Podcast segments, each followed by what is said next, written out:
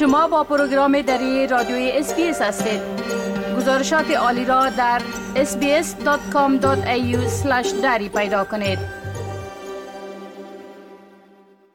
شنونده های عزیز یک نمایش از آثار دستی و دستدوزی در حمایت از زنان و دختران افغان تحت عنوان Mosaic for Afghan Women در موزیم مهاجرت ادلید افتتاح شده و قرار است ای آثار در شهرهای دیگه استرالیا هم به نمایش گذاشته شوند.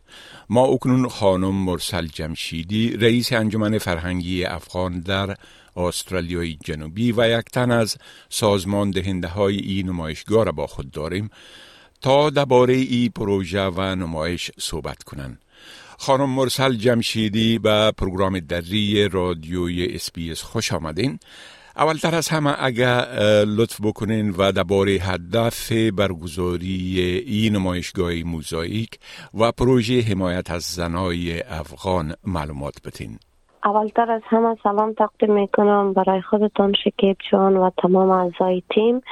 و تشکری خاص می‌کنم که شما وقت گذاشته که راجع به این برنامه یا این پروژکت که ما در ساوت استرالیا استرالیا جنوبی تهیه کردیم همراه ما صحبت های داشته باشین. زنده باشین تشکر.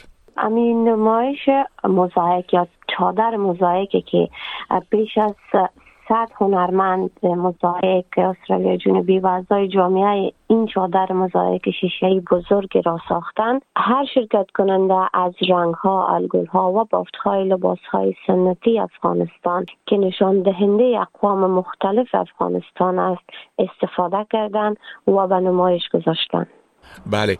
خب می‌تونین بگوین که هدف چی است؟ هدف اصلی این موزاییک فرهنگ افغان که خارج از افغانستان می زنده مانده و انشالله زنده خواهد ماند. و همچنان یادآوری می کند از آزادی ما که مثل که آزادی ما خصوصا آزادی زن اویزان به یک نخ است که نام همی پروژکت هم است موزاییک یا هنگینگ بای ترد. آویزان از نشانی موزاییک که برای زنان افغان یک پروژه جهانی است که توجه را به شرایط اجتماعی و اقتصادی زنان و دختران افغان پس از تسلط طالبان جلب می کند امی چادرهای موزاییک در نقاط مختلف جهان به نمایش گذاشته می شود و نشان دهنده انحطاف پذیری فرهنگ افغانستان در خارج و مرزهای خود آن می باشد بله. خب در این نمایش چندین هنرمند از کشورهای مختلف شرکت کردن می‌تونید بگوین که جمعا چند نفر از هنرمندان در ساختن این موزاییک سهم داشتن دمی خود استرالیای جنوبی امروی ما خیلی همکارای ما بودن.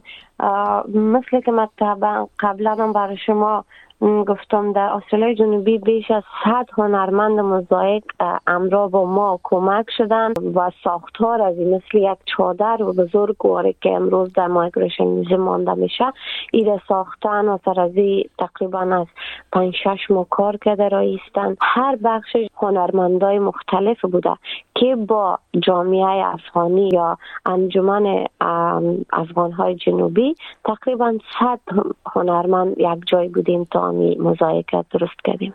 خب چنانچه قبلا هم گفتم قرار است ای آثار در جاها و شهرهای دیگه استرالیا هم به نمایش گذاشته شود. می‌تونین بگوین که در چی جاهای دیگه و چی وقت به نمایش گذاشته میشه؟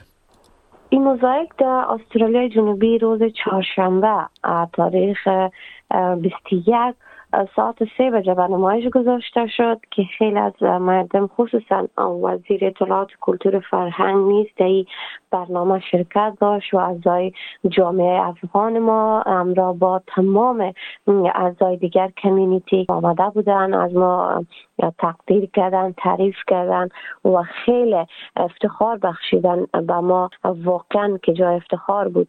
و همچنان همی چهارشنبه که گذشت در برزبن سکویر لایبرری به نمایش گذاشته شده بود ساعت دوازده و سی و در ویکتوریا همچنان نمی تاریخ مثال در نمی تاریخ بیستی یکی که گذشت. در چهار پنج جای استرالیا به افتتاح شد که در ویکتوریا بود. اونجا هم در Migration Museum بود در Brisbane Square Library در تازمانیا در City Library در سیدنی National Glass Museum مانده شد تقریبا در یک روز افتتاحی از در چندین شهرهای مختلف استرالیا صورت گرفت خب شما و سازمان دهنده های دیگه چی دستاورد از این پروژه و این نمایش انتظار دارین؟